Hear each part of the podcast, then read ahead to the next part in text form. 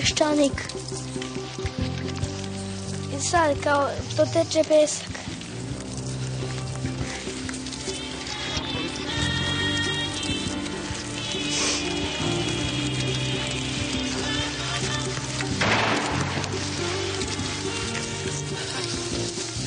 Živet ćemo, radit ćeš ko rob.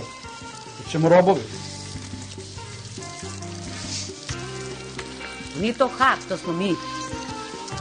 Peščanik.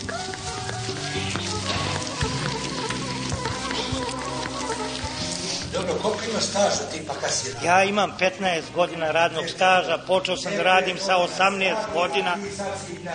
A, ma, nisam se ja naradio, ja hoću i dalje da radim, ali mi ne dozvoljavaju da... Ne dozvoljavaju mi da radim. Pazi, mi pričamo o radu, ali nemamo šta da radimo. Ajde da postavimo pitanje šta da radimo. Ja sam šest sati puta do Banja Luke gledala u pod od autobusa. Nisam više mogla da podnesem da gledam srušenu, spaljenu, izrešetanu. Srušenu, spaljenu, izrešetanu. Peščanik. Možda Đinđi stomaći šta je. Trči, skači, plivaj.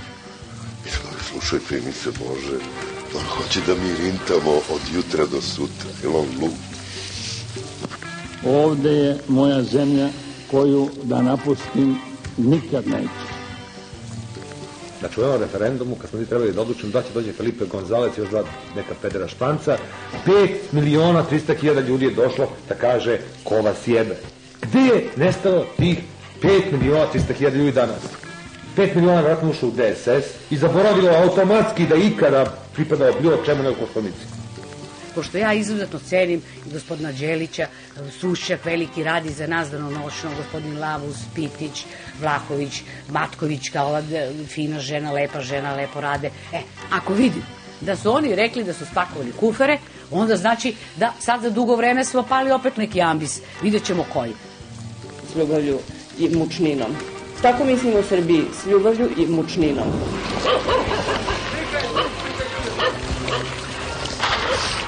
Šta ti braniš? Peščanik.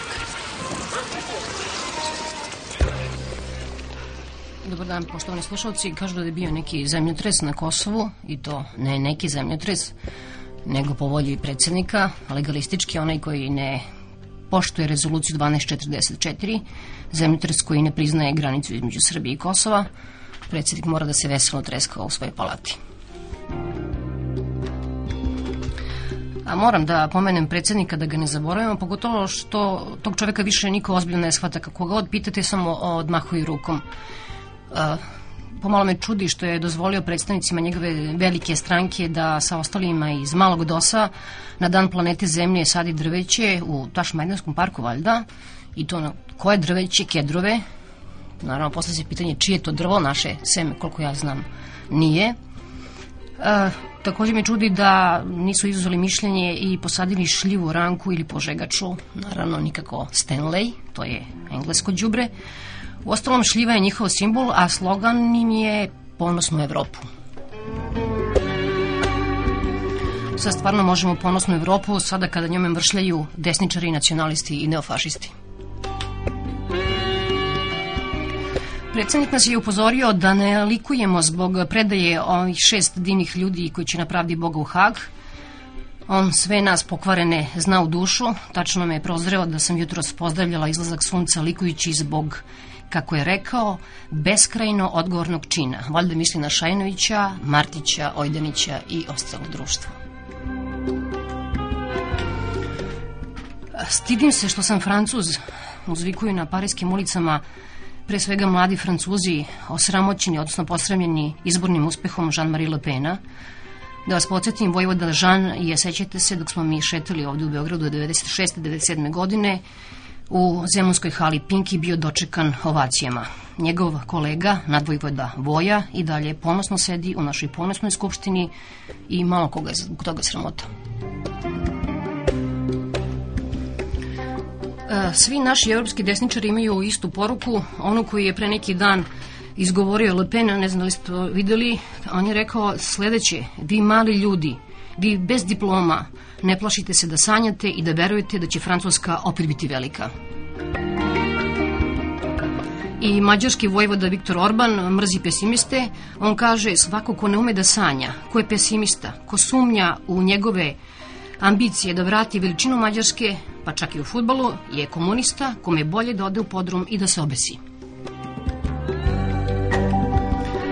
Kažu da na redko u Budimpeštu i mogu da se vide mladi ljudi koji hodaju ulicama sa omčom oko vrata.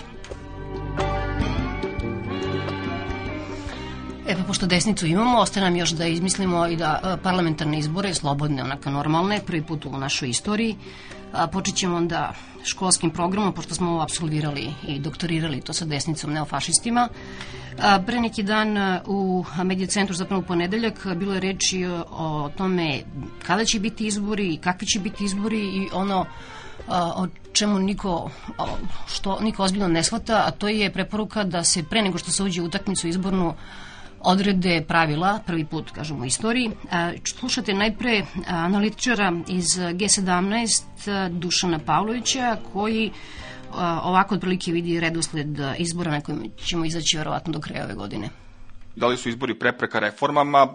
Pa u jednom smislu jesu, zbog toga što ako se raspišu izbori, onda će svi da se bave izborima i niko više neće se bavi reformama. I, a, pošto reforme barem ovakva vrsta reformi podrazumeva neku vrstu radikalnih poteza koji nisu baš popularni i onda će vlada da baveći se izborima i strahujući od izbornog rezultata morati da odloži te poteze. I ako imamo svakih, ne znam, recimo dva meseca neku aferu koja se iskoristi da bi se vlada ili oborila ili srušila ili da bi se oslabile njene pozicije, onda svakako da bi se izborima moglo nešto rešiti u tom smislu da se takva vrsta političkih strategija za jedno izvesno vreme ukine. Jer kad imate izbore, onda e, oni koji su u opoziciji ili koji smatruju da bi izborima nešto značajno moglo da se promeni, onda oni će morati nakon izbora, ukoliko izgube, će morati da onda takvu igru prekinu, da okončaju. Ali morali će onda jedno vreme e, da ne pričaju više o izborima. Sada još uvek, ja mislim, nije takva atmosfera da bi na izbore bilo nužno da se ide.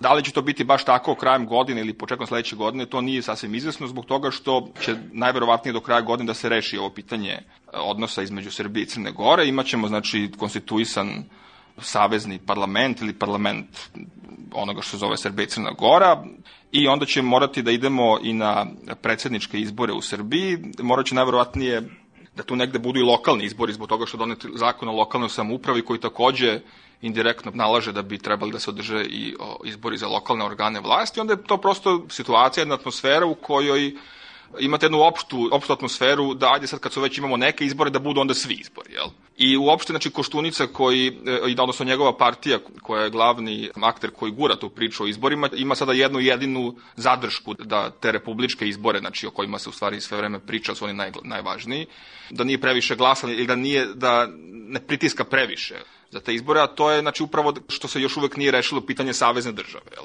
E kad se to pitanje bude rešilo, ja ne znam onda šta će njih da spreči više, da onda krenu svim silama da pokušaju da, iz, da isprovociraju prevremene izbore.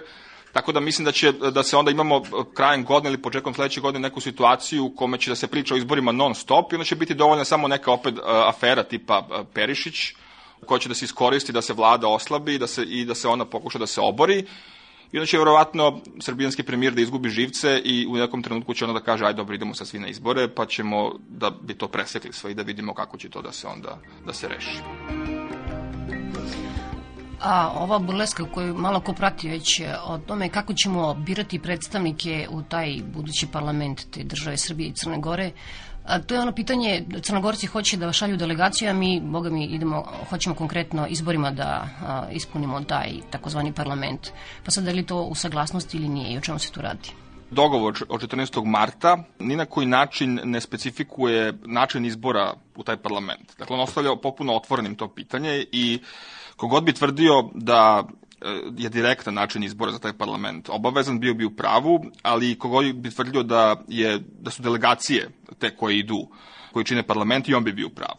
Kada sam znači, prošao taj sporazum, bilo mi jasno da će to da predstavlja tačku sporenja upravo zbog toga što će crnogorci insistirati na delegacijama, jer se tam time više naglašava se konfederalni odnos države, a da će srpska strana insistirati na direktnom izboru.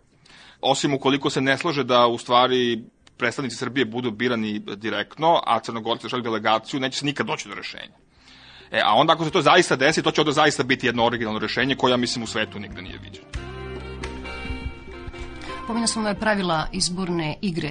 Sećate se da smo svi mi, a i ove političke partije koje su tada bile u opoziciji, kleli smo se svi u CESID, međutim stvari se promenile, CESID se nije toliko promenio, u stvari uopšte, ali su se e, uloge promenili, više nisu opozicija nego vlast i zbog toga sugestiju CESID-a da se makar šest meseci pred izbore pravilna, pravila predizborne trke znaju napred, očigledno nikoga ne, ne zanimaju, čak i dobijen odgovor da ćemo tek negde u oktobru znati u stvari kako će nam biti izborni zakon. Evo govori gospođa Slobodanka Nedović iz CESID-a. Mi smo pravili analize izbornih rezultata i izbornih pravila od uvođenja višepartijskog sistema u naš politički život u Srbiji.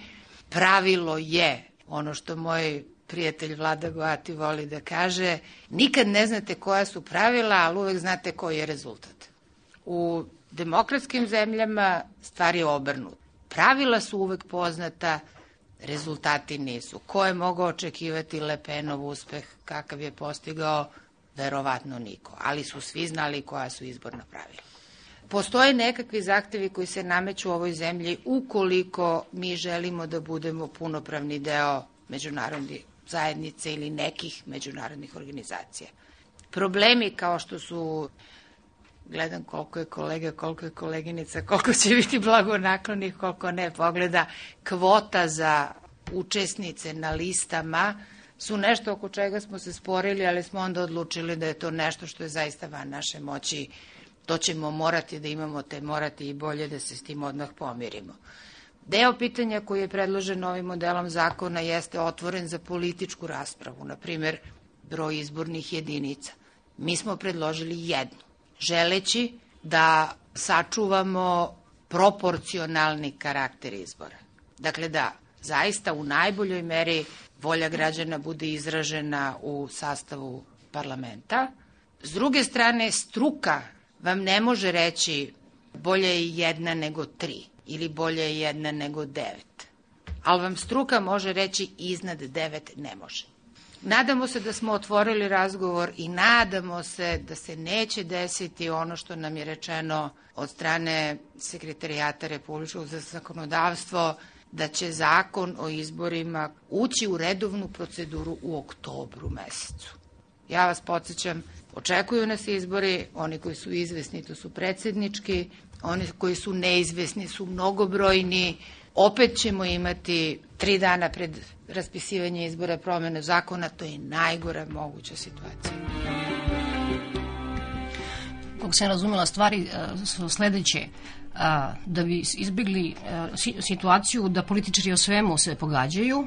Znači u izbornim pravilima bi nešto trebalo da budu pitanja struka gde oni ne mogu da se pogađaju, nekim stvarima mogu da se pogađaju, a neke stvari moramo da radimo zato što razvrat, razvratna Evropa to traži od nas, a to je određen broj žena koji moraju da učestvuju u parlamentu, pa kad su mogle Afganistanke tek da izađu ispod onog zara pa da se uključu u politiku, možda bi moglo to i ovde da se desi ali e, očigledno da se ostavlja sve za kraj da će sve biti podloženo političkim pogodbama.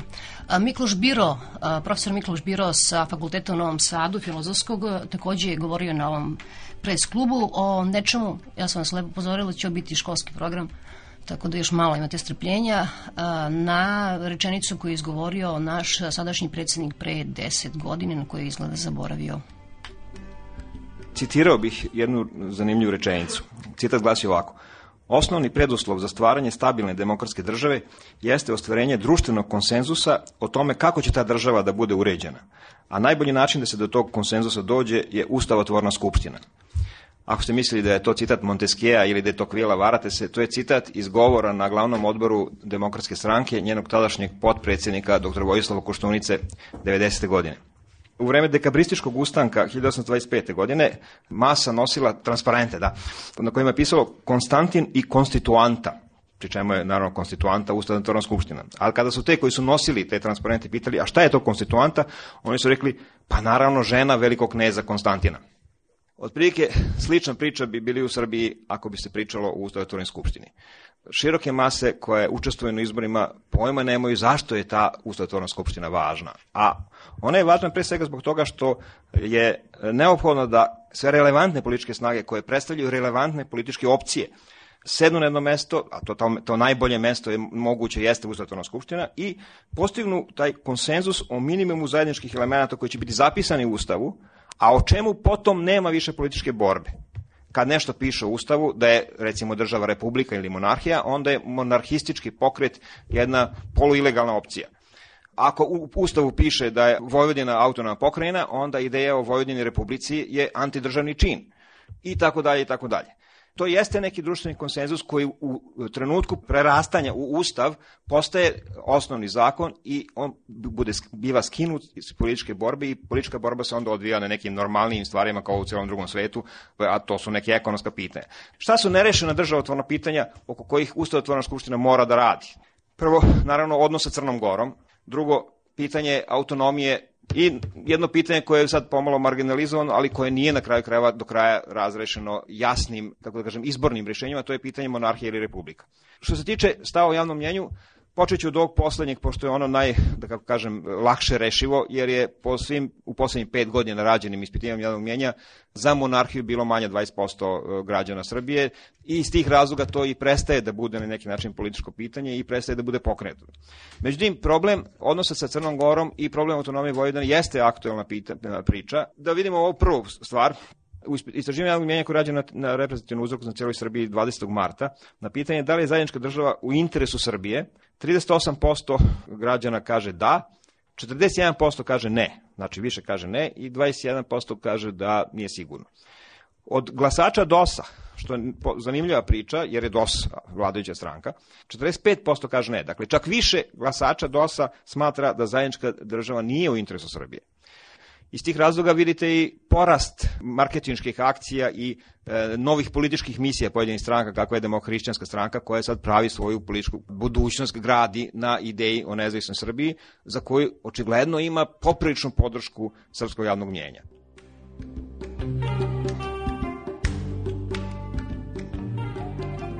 Očekivanja jesu da će kampanja, ako bude među negdanjim prijateljima, biti prljavija nego ranije. I ako nema nekakvih mehanizama samoograničavanja i samokontrole, postojeći mehanizmi zaštite, bojim se da neće biti dovoljni. U nekim izbornim sistemima, u bliskom inostranstvu, što tako kažu, tamo gde postoji neka vrsta međunarodnog protektorata, vođa liste, odnosno lista, bude kažnjena sa oduzimanjem pet mandata zato ako upotrebi jezik mržnja ili ako nekog napadne po nacionalnoj, verskoj ili kakvoj drugoj osnovi. Očigledno je da postoji jezik mržnje koji se sada obnavlja kod nas, međutim, ja lično ne vidim zašto bismo izlazili izvan okvira onoga što već imamo, a to su krivično-pravne norme. Izazivanje rasne, verske, nacionalne i ostalih vrsta netrpeljivosti je krivično delo. Kada je neko optužen, osuđen za krivično delo na u određenom trajanju kazne, ne može biti uopšte na listi.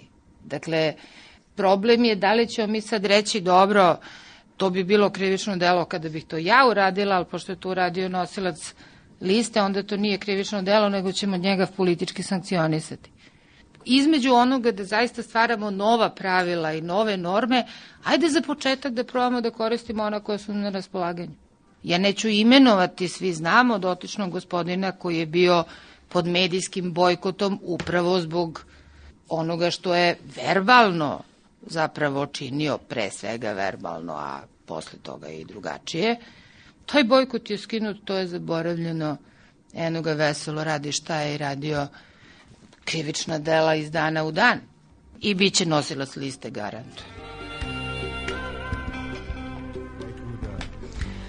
Helsinški odbor Beograda e, napravio jednu publikaciju, u stvari to je godišnji izveštaj o stanju ljudskih prava u Srbiji. Da vas podsjetim, pre nekoliko dana je Beogradski centar za ljudska prava izašao sa svojim izveštajem i to, to se sećam jednog podatka koji mnogo govori, u stvari govori o tome, o, o našem ogromnom neznanju koji se onda naravno da lako zlopotrebiti. Uh, pomenjali su tu da uh, veoma veliki broj ispitanika na pitanje koliko policija ima pravo da vas drži u pritvoru A, ljudi su odgovarali tri godine, neki su čak govorili da mogu da vas drže u zatvoru dokle god to potrebno da policija utvrdi istinu.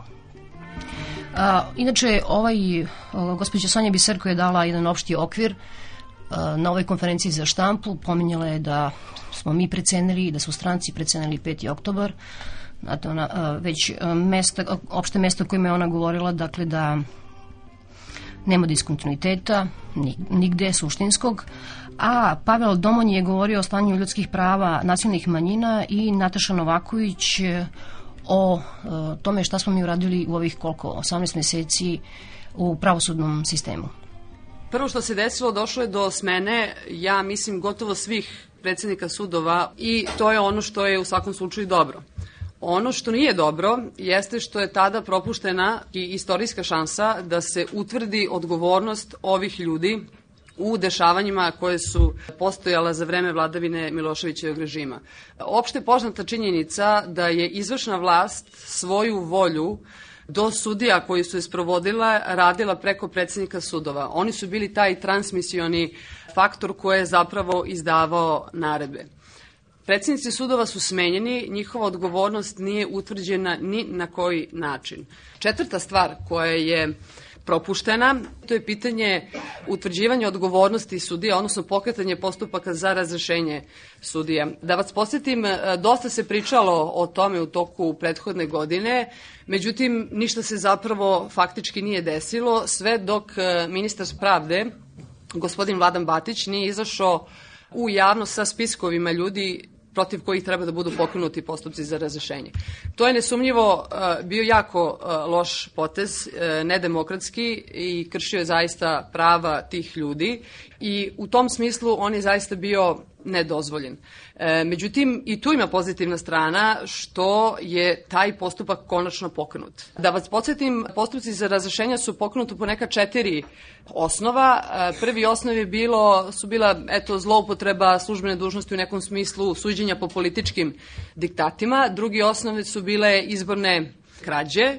Treći osnov su bili ne, nezakonita dodela stanova i stambenih kredita i četvrti osnov je bila neažurnost i neefikasnost u radu pojedinih sudija. Nažalost, koliko je nama poznato, do dana današnjeg, iako je pokrenuto više od 100 postupaka razrešenja po nekom od ova četiri osnova, za sada se zaista nije ništa desilo po tom pitanju. Samo jedan sudija je razrešen dužnosti. Podsjetit ću vas na slučaj o kome je pisala štampa, a to je bio slučaj sudije Pljakića, čije razrešenje je pokušano. Međutim, pošto o tome odlučuje vrhovna, Vrhovni sud na opštoj sednici, iako je, prema informacijama koje imamo, a nemamo razloga da sumnjamo u njih, iako je postojala očigledna da kažem krivica uslovno rečeno ovog sudije u, u, u predmetima u koji sudio, a razrešenje se tražilo zbog zloupotreba i pogrešne primene prava u izbornim krađama 96. i 97. godine. E, jednostavno njemu izglasano poverenje zato što je opšta sednica dvotrećinskom većinom tako odlučila. Problemi postoji u funkcionisanju privrednih sudova, posebno privrednog suda u Beogradu. Ovo sve govorim iz razloga što Privredni sud u Beogradu predstavlja izuzetan, ako ne i najbitniji sud u ovoj zemlji u materiji koja se tiče privrednog prava, koji vodi postupke koji imaju milionsku vrednost, koji odlučuje o, o budućnosti e, preduzeća, čije su vrednosti e, zaista o nekoliko desetina miliona dolara ili e, maraka, koji odlučuje o, o, o privatizaciji tih preduzeća. I smatramo da bi trebala da se uvede neka da kažemo, zbiljnija kontrola rada ne samo Privrednog suda u Beogradu, ali prvenstveno njega jer je on naj, najznačajniji, ali i drugih privrednih sudova u Srbiji.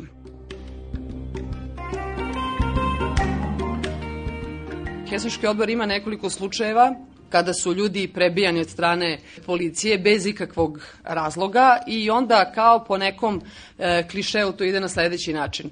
Lice koje je pretučeno, podnese krivičnu prijavu protiv e, policajaca. Policajci uzvrate na taj način što sada njega optuže da je e, ometalo službeno lice u vršenju poslova službene dužnosti. Tužilaštvo, a nažalost i sud po pravilu, još uvek veruju organima unutrašnjih poslova, tako da se krivične prijave građana koji su prebijeni najčešće odbacuju. Ako se ne odbace, onda se krene u postupak koji traje godinama. Ja ću vam navesti primer jednog, jedne naše stranke, ne, ne želim da navodim njegovo ime i prezime, koji je pretučen 96. godine i to tako što mu je slomljena vilica, nos, ruke. Znači, zaista ima teške telesne povrede. Podne krivičnu prijavu, ona je odbačena 97. godine. Od 97. godine do sada taj predmet se nije završio. Znači, on se više od pet godina sudio, ne može da dokaže da ga je milicija tukla. I reći samo još par reči o, o suđenjima za ratne zločine. Masovne grobnice su, ako se sećate, bile otkrivene početkom maja prošle godine. Evo sada je već ponovo, skoro 1. maj, prošle godina dana. Mi i dalje ne vidimo da je bilo koje lice stavljeno pod istragu. Znači ne optuženo, nego da je podignut e, zahtev za sprovođenje istrage protiv bilo kojeg lica. Juče ili prekuče sam videla u novinama da je okruženi javni tužilac gospodin Rade Terzić rekao da je zapravo e, ružno od strane, e, parafraziram, znači nemojte me držati za reč, da je ružno od strane Ministarstva unutrašnjih poslova da kažu da oni nisu dostavili svu potrebnu dokumentaciju i da to može biti njemu dovoljno da traži da se pokrene zahtev za sprovođenje istrage. Dalje nastavlja, da tu zaista nema dovoljno dokaza, odnosno izveštaj koji je došao od Ministarstva unutrašnjih poslova nije dovoljan i da on eventualno ukazuje samo na lica koja su prikrivala zločin ovde u Srbiji da oni ne mogu da pokrenu ništa dok se ne bude znalo ko je te ljude pobio na Kosovu. Ja ovo mogu da razumem kao pravnik s jedne strane jer i činjenica da se na taj način zaboravlja onaj glavni zločin, ali postavlja se pitanje ukoliko se za narednih dve ili tri godine ne bude utvrdilo ko je ove ljude pobio, da li to znači da će ovaj postupak stajati i nadalje, iako može da se utvrdi barem ko je prikrivao tragovi krivičnog dela na teritoriji Srbije. Tako da bi ja zaista volila da znam zbog čega ni posle godinu dana mi nemamo zapravo ni jednu jedinu relevantnu informaciju, a nažalost živimo u zemlju gde se svakog dana susrećemo sa ratnim zločin, zločincima i saplićemo se o nemarkirane ili markirane masovne grobnice. Ja ću samo da, da vam navedem neke podatke koje na osnovu istraživanja javnog mnjenja nedavno izneo Rasim Ljajić. Dakle, prema rezultatima tog istraživanja 3,3% stanovnika posjeduje ekstremnu distancu prema nacionalnim manjinama. 28 odsto posjeduje izraženu distancu. 58 odsto umerenu distancu, a samo 10 je bez distance prema nacionalnim manjinama. Možda još jedan podatak interesantniji, e, na pitanje da li bi dozvolili svome detetu da stupi u brak sa pripadnikom druge etničke zajednice, 96% Albanaca je izjavilo da to nikada ne bi dozvolilo. Ni Srbi ne zaostaju mnogo za njima, 95% Srba kaže da nikada bi ne bi dozvolilo svom detetu da stupi u brak sa pripadnikom druge etničke zajednice. Tokom prošle godine u Subotici je bio održan jedan skup prosvetara Srbije i na njemu je profesor Mikloš Biro iznao takođe neke interesantne podatke. Ja ću samo pomenuti da je prema tom istraživanju 24% građana Srbije smatra da država treba da bude ne samo etnički čista, nego da i Srbi u Srbiji imaju veća prava od svih drugih. Dakle, ovako raspoloženje postoje unutar srbijanskog društva, stoga onda i ne čudi kada se jave političari koji to hoće politički da kapitalizuju i da osvoje poene obraćajući se tom najkonzervativnijem delu biračkog tela. Kada je reč o govoru mržnje, da u proizvodnji tog govora ne učestvuju samo socijalno frustrirani i marginalni pojedinci, nego i pojedinci koji su visoko pozicionirani u vlasti.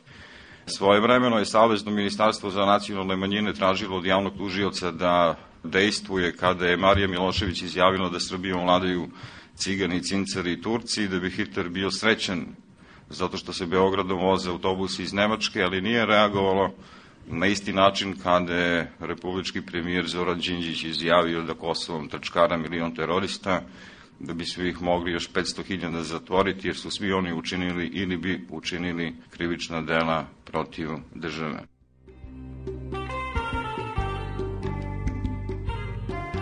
Peščanik.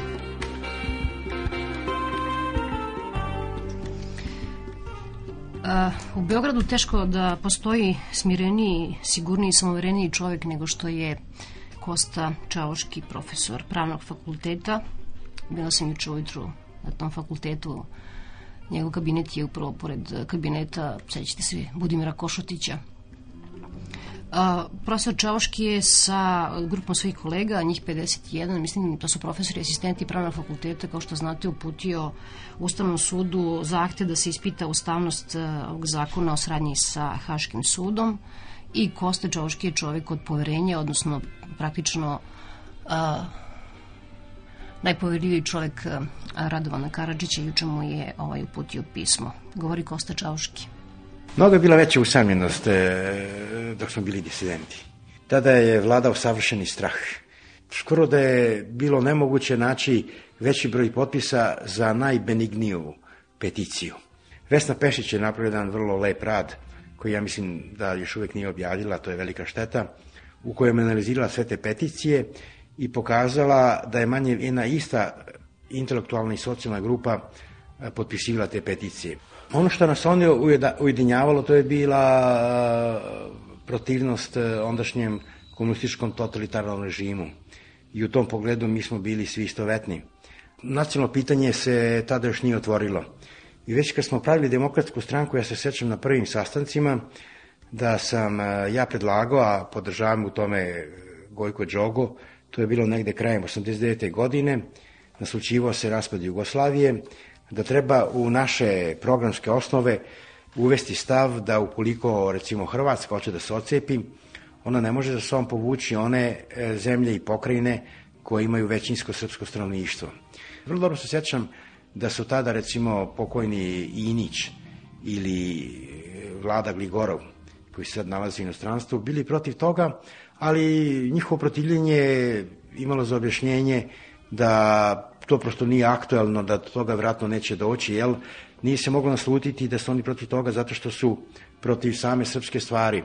Kad je u pitanju Inić, to je naravno čudno, a kad je u pitanju Vladi Ligorov, to je potpuno razumljivo, jer je on poreklom makedonac, njegov otac je Kiro Ligorov. Dakle, već se tada moglo naslutiti da će po tim šavovima zapravo da se razlomi ta nekad jedinstvena grupa. Ja sam jedan od redkih disidenata koji nije bio marksista. Ja sam bio liberal. Recimo kad sam protiv zakona o lustraciji, ja sam protiv tog zakona zbog toga što on predstavlja svojevrsnu čistku. Dakle, to je jedno liberalno stanovište. Dakle, mi možemo govoriti o tome da je sa moralnog i političkog stanovišta neophodno da neki ljudi budu uklonjeni iz javnog života, ali o tome treba da odluče birači, oni treba da ih uklone, tako što im neće pokloniti poverenje, a ne da to činimo zakonom. U protivnom to bi značilo da je narod nezreo. Danas smo zahtevali da se Ustavni sud oglasi i da proglasi ovaj zakon o saradnji naše države sa Haškim sudom neustavni. Niko ne izručuje svoje građane. I to naravno oni rade pod velikom, velikim pritiskom, tvrdeći da to rade zarad dobra jel, ovoga naroda. Da li je, po vašem mišljenju, Vlajko Stojković časno postupio ili častan čovjek? Ono što me fasciniralo u tom činu, to je jedno otkriće koje mi do tada nije padalo na um.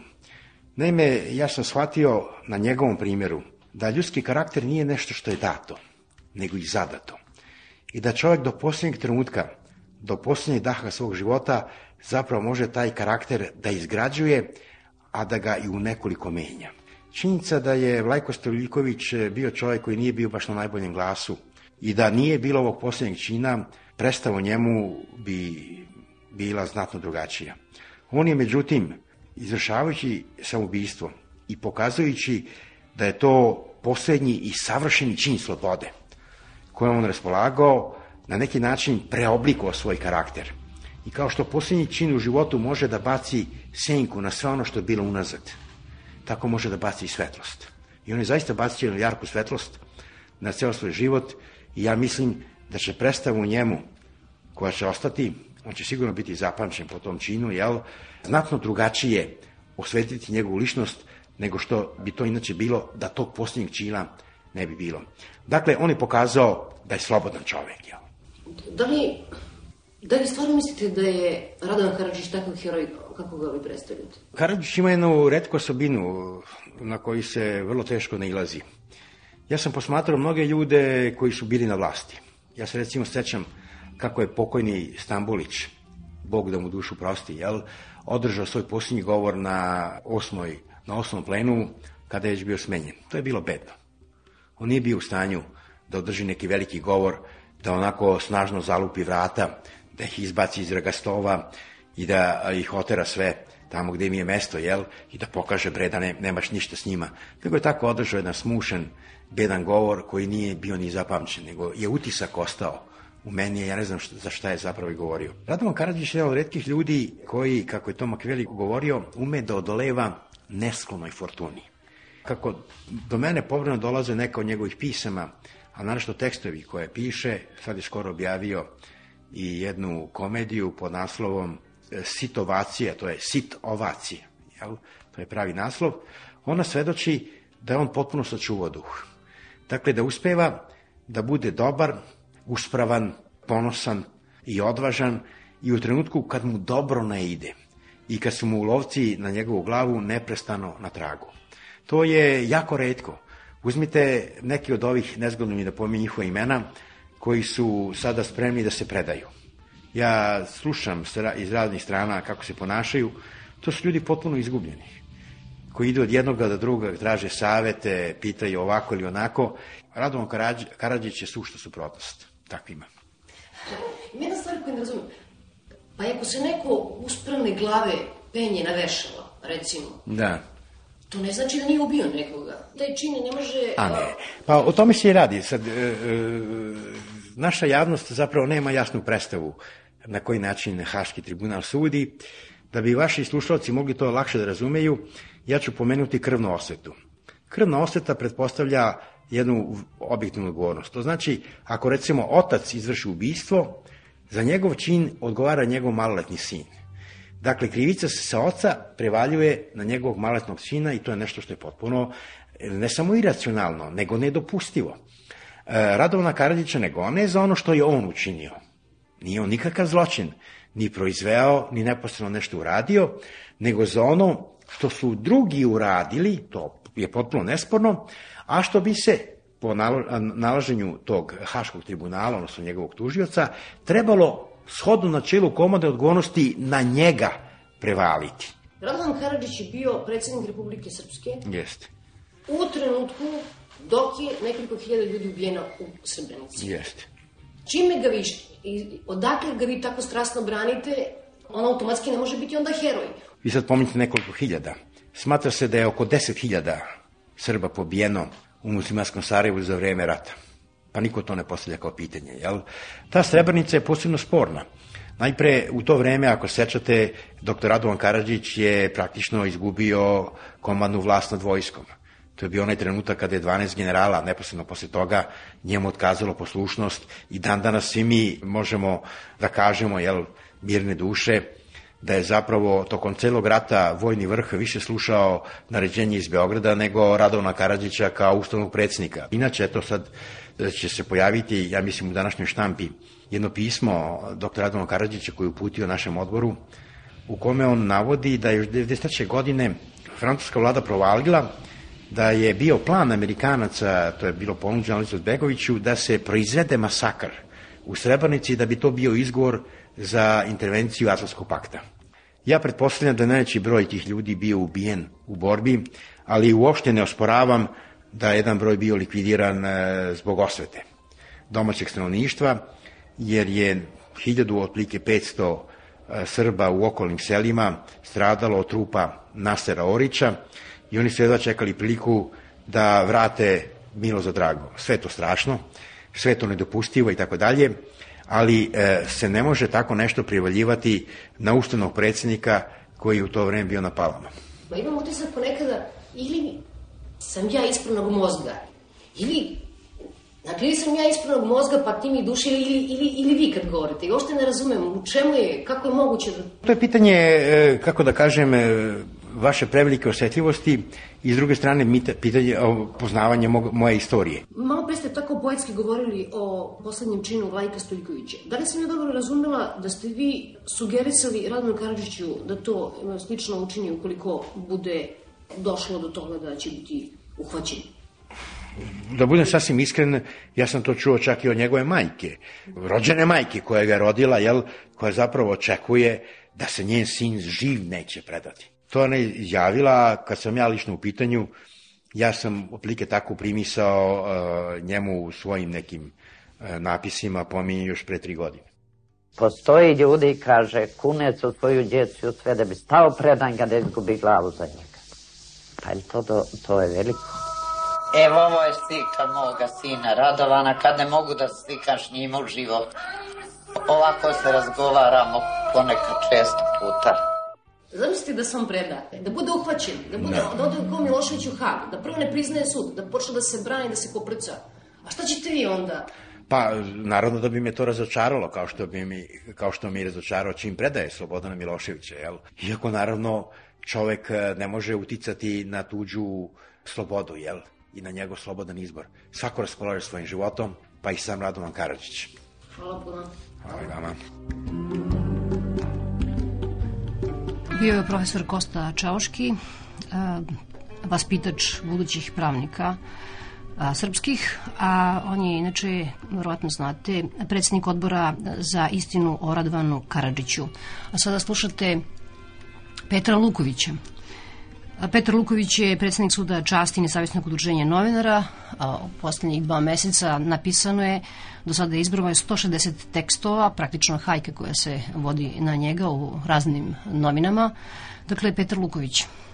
Kada je kolonska vlada dala ostavku zbog Srebrenice, zašto se oni stide? Oni se stide holandžani zbog toga što je holandski bataljon učestvovao u Srebrenici, im stide zbog toga što, su, što nisu ljudi glasali na francuskom izborima, nego oni koji su izašli glasu za Le Pena, A šta bismo mi mogli da kažemo posle svega? Cale Pen je bio kod Šešelja ovde, bio primao u Skupštini legenda, majstor u Zemunu, dobije plaketu, početni građani Zemuna, odlično se sećam. Divna Srbija je Francuska! Srebrenica, jer Mira Marković prošle nedelje u vašoj emisiji kaže, a je bilo nešto u Srebrenici? Mislim, ako bih ja rekao posle svega toga, ja se stidim zbog bilo čega, to je bilo tako malo. Naravno se ja stidim, ja se stidim sve, stidim se, godinama se stidim.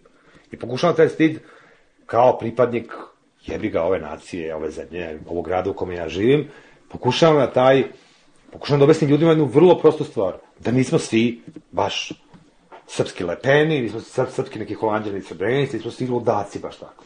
Nismo svi mi šešelji i naravno nismo svi Karadžići. A opet s druge strane, gašom novinama sinoć je vest o tome da je sinoć Karadžić imao promociju u međunarodnom centru i da je duhovitost, Kosta Čavoški, da je bio neopravdano, odnosno opravdano odsutan. Ali da je super i da pravi nekakve knjižice, duhovite, lascivne, veseli šaljive. To me, to me stvarno oduševa. Pasta Karadžić je veseli šaljive. Super, odlično. Ova knjiga je najbolje svjedočanstvo da je naš junak ne samo dobrog zdravlja, što mu od srca želimo, nego i bodrog duha i sa velikim smislom ne samo za humor, nego i za ironiju i satiru. A i sasvim je prirodno da, na primjer, Narodno pozorište za videodan počne da sprema ovaj komad, što je logično da na, imamo priliku da i autor bude tu na premijer. Danas u nekim novinama koje zovu Nova Iskra, ja vidim uvodnik Radoma Karadžića koji naslovna stvar. Jebote, pa mislim kao da je 92. godine. A u stvari je na izvestan način mnogo gore, mnogo ružnije i mnogo perverznije nego pre 10 godina. Znaš, 50 godina sam tačno, apsolutno tačno znao, posle dve strane, jedna strana za, jedna strana protiv. Ova strana bila protiv, u toj strani se nije baš puno dešavalo, znaš, čuvali smo jedne druge, znaš, onako, ajde, nećemo baš da diramo sad te ljude, imamo neki primarni cilj, ali se sad ispostavilo da, da, se to sve pomešalo. I ta, I ta prva grupa i ta druga grupa, to se više ne mogu povatati ko je gde. Verujem da više ne mogu. Kunem ti se. Kako je ludilo u politici, ti imaš ludilo još veće u novinama i na televiziji. Kad su uvijek neke situacije stresne, znaš, kad hapse Perišića, pa jedan kese, pa ono, specijalne emisije, pa gore, znaš, ti vidiš recimo da to u tim, u tim nesrednim krugovima, što je meni uvijek bilo simpatično, što uvijek doći do neke potpune panike, znaš, kad oni, kao, nećemo se o tome, nego, znaš, ono što žena ne bi rekla, ne znam, neka, kao, kad ste bili nevino, sve će priču detalje. Nešto postoje još onako, još luđe postaje onda. Poslednjih jedno 20 dana, ko ima živaca, prati te vrste programa, znaš, koji su takozvano apolitične, znaš, što možda, možda da osjeti u stvari kakva je atmosfera, znaš, onako u zemlji, da su tu histerični ljudi, potpuno, potpuno priznanja, ono, znaš, ono, sve. Da li Vesni Rivac, kakav penis ona voli? Da li Vanja Bulić, ne znam, se muvo sa nekom Marinom Živković? Da li je Marina Živković nešto rekla Jeli Karleuši? Da li je Jelena Karleuša, koga je sad tužala nedelje? To su teme. Ko je šta snimio, gde je ko bio, ko je koga vato, ko je izgubio nevinost. To su naše teme onako. Mislim, tu ne postoji ni jedna jedina stvar koja ima veze sa stvarnošću. Sem para. U tom entertainmentu, koji ja tako mislim, ajde budem ciničan da ga zovem entertainment, znaš, mislim, imaš ubli politike do one mere, recimo, koji je meni odvratno, onda kažem. Evo da ću ti primjer, emisija koja zove Kulturni nokaut na televiziji koja zove B92. To se radi, ne kaže moja saradnica iz magazina Exet, koja zove Maja Uzelac. Ona je ovo pred neko dana napravila emisiju Dani Sutanoviću o Oskaru. Njoj nije dovoljno što napisalo vremena da film odvratan, glup, imbecilan, već na pre emisiju to. Ali način kad pravi ta emisiju, je jedan lak način, egzibicionistički, lak, ajmo kroz zabavu, zezanje, kroz malo seksa, kroz moje pokazivanje, samo pokazivanje Manu Uzelac koja se nikad ne skide, nego se slika tamo onakva, kao što jeste. Dakle, da mi imamo emisiju koja će biti relevantno desničarska. Apsolutno desničarska emisija. Znaš, dovedeš idiotu emisiju. Dovodila pre 14 dana dovodila Por Đorđevića, sad dovodi nekog isto neko Srbina iz postava, tako zvani, Nikola, pojma nekog. Čovjek, nebitno je. I jedna od tih primetbi, tih navodnih kritičara, nema veze sa filmom. To su sve političke primetbe. Jedna vrsta užasnog antibosanskog, antimuslimanskog, antibalinskog, ajde da kažem njihovim rečnikom, antiturskog odnosa prema nečemu što je nešto onako bizarno. Mi smo genijalci, a vi ste naš onako govor. Znači to, a na tako lak način, na tako zabavan način, tako entertainment način, znači onako to se zgadi. Među nje i Pinka nikakve razlike nema. Između Popova što radi u emisiji i Maja Uzelac, u čemu razlika? Sam bi jasno. Što Maja ima sise, a Popov nema. Suština je ista, poruka ista. I to je ono što u ovoj zemlji se relativizuje apsolutno sve. Sve je onako. Možda jeste, možda nije bilo, nije to više bitno. Sve se relativizuje. Sve, svaka stvar. Ja sam danas video sliku Martića u novinu. Jebote, ja sam ga zaboravio. Mislim, ja znam šta radio, pisao sam o tome, naravno, ali mislim sad ja pitaš nekog klinica koji sad ima, ne znam, 19 godina, 18, da li zna ko je Milan Martić? Pa nema pojma. Ma pojma nema ko je Milan Martić. I zašto je on po njima za tu grupaciju koja bi već trebala sad da glasa, zašto bi Milan Martić bio kriv svog nečega? Mislim, zašto?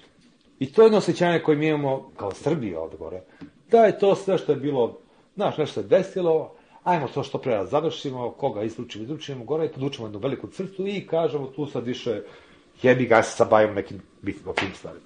Pa ne možeš. Pa ne možeš zato što iz dva razloga. Prvo što iza svih tih reči, iz postupaka nije nije ostala neka, neka suva teorija, ostala je jedna krva praksa sa užasno puno mrtvih ljudi. I drugo, to zaista iskreno verujem da nijedna normalna zemlja ne može sebe smatra normalnom zemljom ako ne prečisti sa što nekad bilo.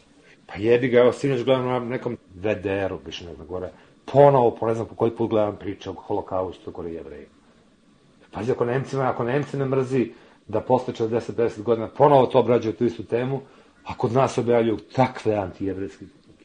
I takve knjige, da je to neverovatno.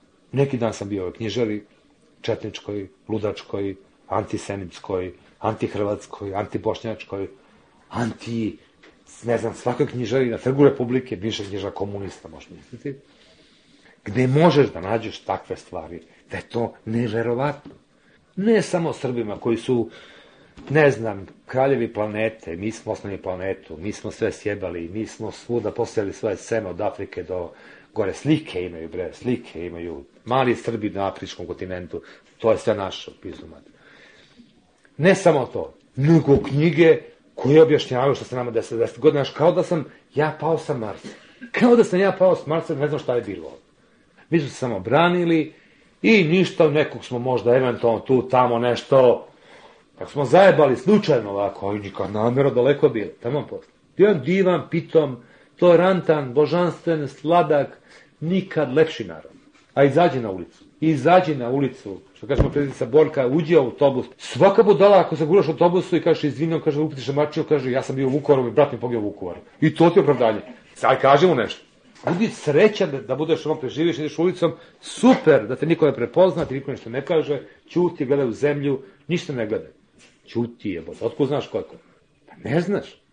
I to je ta fini, beskopomisno, tolerantan, predivan narod. Ko da ga mi ne znamo. Ne kažem ništa su drugi bolji to. Isti su kod Sve to isto. Ali u tome je tragedija što smo svi isti.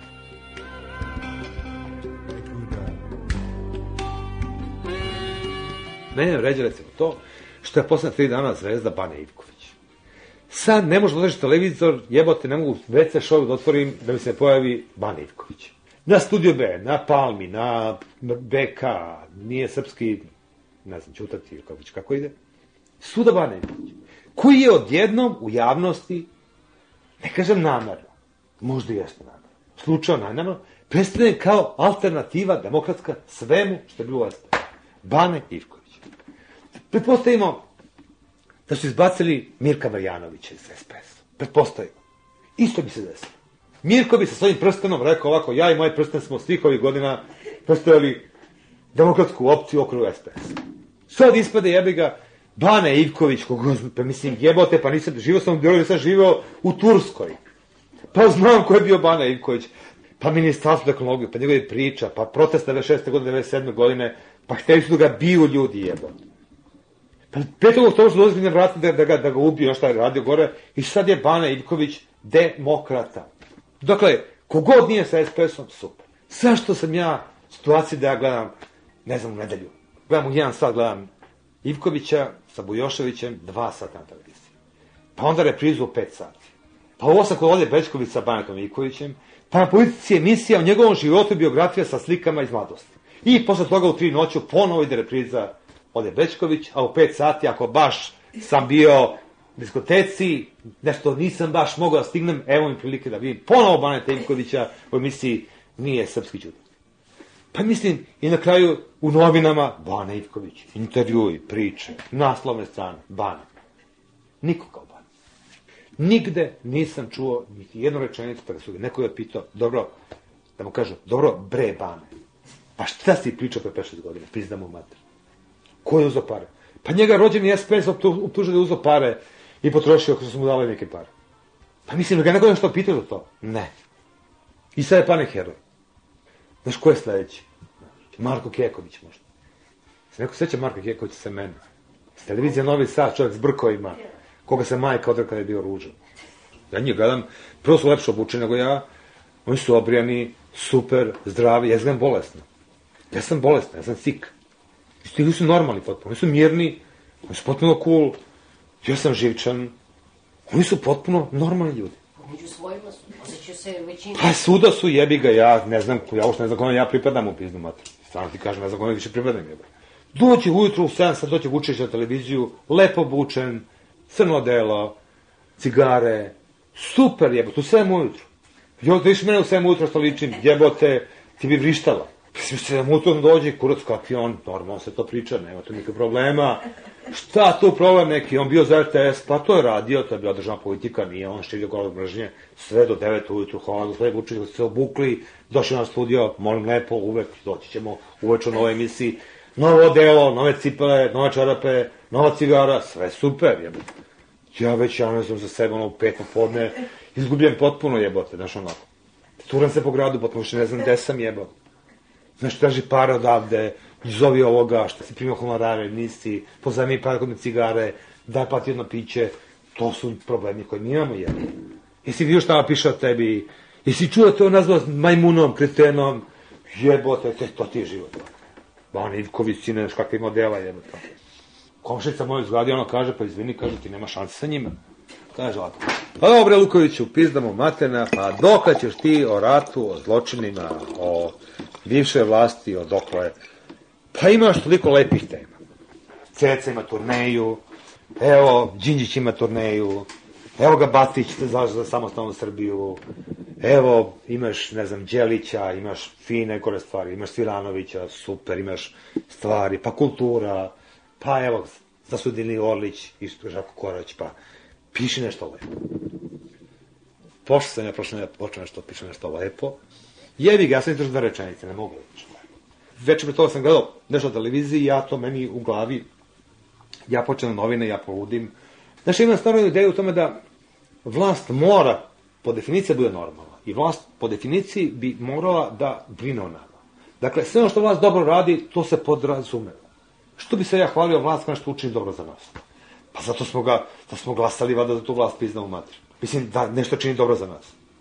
Ali tamo gde se ja pitam i tamo gde je onaj, ono što, što kao komentator, kao analitičar, kao, kao jebi ga, kao neko, je upravo tamo gde vlast ne čini nešto. I tu dokle ja vidim neke svoje prosto da pišem o tome. Da govorim, da pričam, nije važno. Kad treba nešto reći Hag, tri slova da ukucam onako u kompjuter, znaš onako, čini se da će govan da mi izađe iz kompjutera. Koliko sam puta otkucao reč Hag. I to, evo, to ću okucam za sledeći još 2-3 godine. Četiri. Znaš, kad sam prvi put otkucao tamo kao osnovan sud, jebote 90 i ne znam koja 92. 90. godine, pa 9 godina kucaš o tome, pa jebote, pa nikad kraja. Pa tribunal, pa Hag, pa Haški tribunal, pa tribunal u Hagu, pa pa ne znam, tužilaštvo, pa sudije, pa, znaš onako, to mislim, stvarno poludiš više. I razumem, mogu, ja, ja mogu da razumem nekav, ajde, po uslov, po znacima navoda, nekav normalan svet koji kažu, pa ja više ne mogu da slušam u tom Hagu. Ali ne mogu da razumem stvar da u ovoj zemlji zaista za sve ovo vreme, za 17 meseci pod novim režimom, nije bilo jednog, jednog minuta želje, iskrene želje i iskrene volje da se time pozabavimo, da kažem, ok, hajde slušati sad pet minuta što radio Ojdanić, slušamo pet minuta što radio, ne znam, Markan, slušamo pet minuta što radio Stajiković, slušamo pet minuta što radio ovaj, i da znamo šta je radio. Čisto na nivou informacije.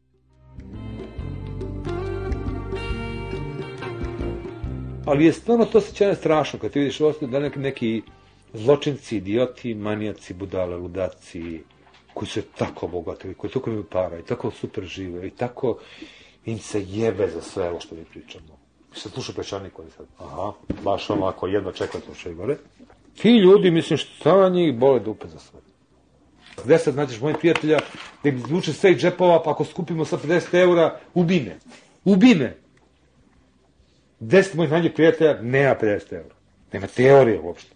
Kakve 50 eura? Znaš šta 50 eura? To sam slepa za slepca, potpuno, to su moji prijatelji. To je taj krug kome se ja krećem.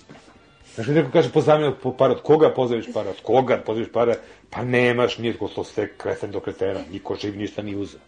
Znaš.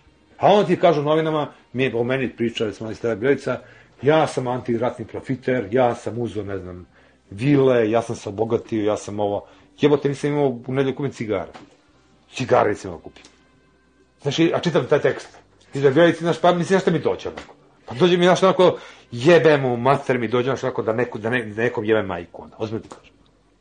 Antiratni profiteri, pa kakav profit, od čega, jebote, gde, zašta, ko će mene da pare. Međunarodna zajednica sad i predstavnici, nije bitno ga, znaš, kao, ajde, smirite se polako, nemojte sad praviti se frku, imate predstavnike, imate premijera. Njima smeta ono što mi radimo. Dakle, obratno je potpuno. Koliko mi ljudi stranaca rekao, pa ti što radiš Luković, to je baš ono preterano malo ti stano to nešto pričaš, pa mi tako baš ne mislimo. Hej, ljudi, tako je to. A svaki četnik, svaki fašista, svaki idiot, svaki kreten ovde ima hiljade, miliona, milijardi, biliona više eura nego što ću ja ikad u životu moći da zamislim tu cifru uopšte vidjeti. Ja kad imam, ja kad imam 10 eura u džepu, čoveče, meni, ja sam sad kao lisa u zemlji čude. Ti to veruješ? Evo ga Sava ovde, pa ne ti kažem. Ti recimo imaš sad od tog međunarodnog tog bloka, imaš jednu ludačku ideju potpuno, da se spoje nuns i uns. Pazi ovo. Da se spoje u nešto, što se zove, ne znam ko se zove. Kuns, otkudno. E, dakle, ja treba da budem da sedim tamo sa, ne znam, sa ludacima, s Inom Brajevićem i sa ostalim ludacima, je kako se mi sam budemo mi kolege. Mi smo svi kolege. Tu je Vrtočani Vučelić, tu je onaj što je pisao Ćuruvi, Marković, Nizbačev. Dakle, njihova ideja u tome, ajmo sad kao što je bilo, bilo je, pa mi se to zaklopimo, pa mi idemo jedno udruženje, pa vi jednoj zgradi, pa se mi družimo, pa časkamo, pa pričamo, pa se ja gledam sa Markovićem, pa mi on gurne jezik, pa ja kažem, pa ja prosti prijatelju, super je bilo to sve što je napisao, i tako to sad sve ide, ako bez kraja. Znaš, mislim, uopšte nemam ja nikakvih iluzija o Americi, Evropi, Africi, uopšte nemam nikakvih iluzija toga. Mislim, to su ljudi pragmatični na način koji je onako odvratan, da kažem, baš glupo. Jebe se njima, njima samo ne bude rata ovde da se mi ne koljamo po ulicama i da ne bude korate da ne idu slanike vojnike ovde. A on će sve ostalo što mi radimo ovde, ma jebe se njima. I on za da smirimo to. Uopšte ne bi teo sa njemu pravilan niz. Možda da se svađamo i kao, ej, daj, smirite se, ajde, dogovorite se. Kako se dogovorite? Ne postoji među dva bloka koji su između fašista i antifašista, nema dogovora. Ja ne znam da je bio slučaj u svetu, zaista su moli, pojma da su moli jevreji iz logora da se pomire sa komandantima logora. To baš ja nisam čuo tako. Bila je emisija Peščanik, realizacija Nikola Momčilović, montaža Boža Podunavaca, emisiju pripremila je Svetlana Vuković i Svetlana Vukić. Prijetno.